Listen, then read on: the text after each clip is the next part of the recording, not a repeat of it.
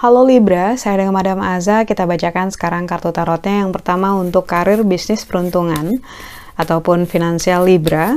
Kartu yang keluar adalah kartu The Emperor. Ini menunjukkan adanya energi raja. Ini kekuatan ya, representasi dari kekuatan, dominasi, kapasitas. Eh, singkatnya ini adalah a big yes. Jadi iya yang gede banget, bold, garis miring, garis bawah gitu. Jadi iya, iya, iya.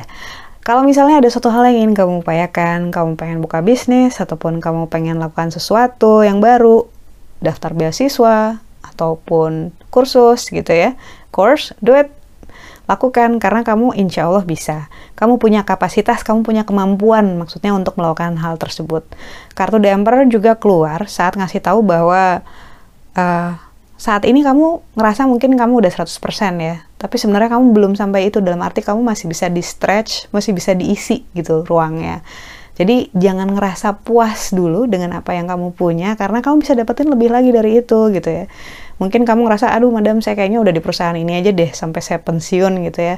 Kamu yakin kamu nggak pengen sekolah lagi, kamu nggak pengen nyobain di bidang ini tapi di perusahaan lain yang lebih gede misalnya hal-hal semacam itu bahwa uh, it's okay to dream big gitu karena kamu punya kapasitas untuk mengisinya, untuk mencapainya gitu. Lalu untuk percintaannya Libra, kartu yang keluar adalah Wheel of Fortune yang menunjukkan roda peruntungan yang berputar. Ketika kartu roda peruntungan berputar, ini menunjukkan perubahan di mana yang kaki di, di bawah tadi bisa naik ke atas dan yang di atas bisa turun ke bawah. Karena itu kitanya yang harus pinter-pinter mengontrol ritme pola per perubahan si roda ini. Dalam hal percintaan, yang namanya rasa gitu ya, nggak bisa di atas terus.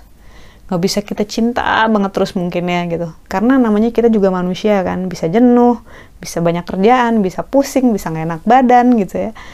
Karena itu kartu Wheel of Fortune ini menunjukkan perubahan yang terjadi dalam hal relasi and it's okay. Dan itu bagian dari dinamika hubungan. Tinggal kalian yang menentukan sepenting apakah relasi ini. Maukah kita tetap misalnya rodanya di bawah atau ayo kita bawa rodanya ke atas gitu kan. Hal-hal semacam ini juga merupakan ujian pada apa sih yang kita inginkan gitu. Apa sih yang mau kita perjuangkan. Lalu kartu nasihat yang diberikan untuk Libra, kartu yang keluar adalah The Star. Kartu nasihat The Star ini menunjukkan seseorang yang sedang berkaca di danau, dia sedang mematut dirinya, memantaskan dirinya, lalu menunggu bintang untuk jatuh.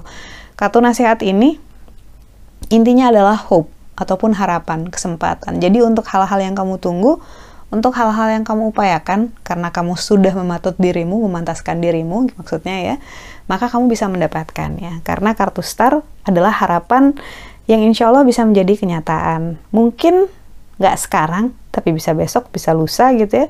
Karena itu ya jangan berhenti berharap dan jangan berhenti berupaya. Sekian bacaannya. Semoga bermanfaat.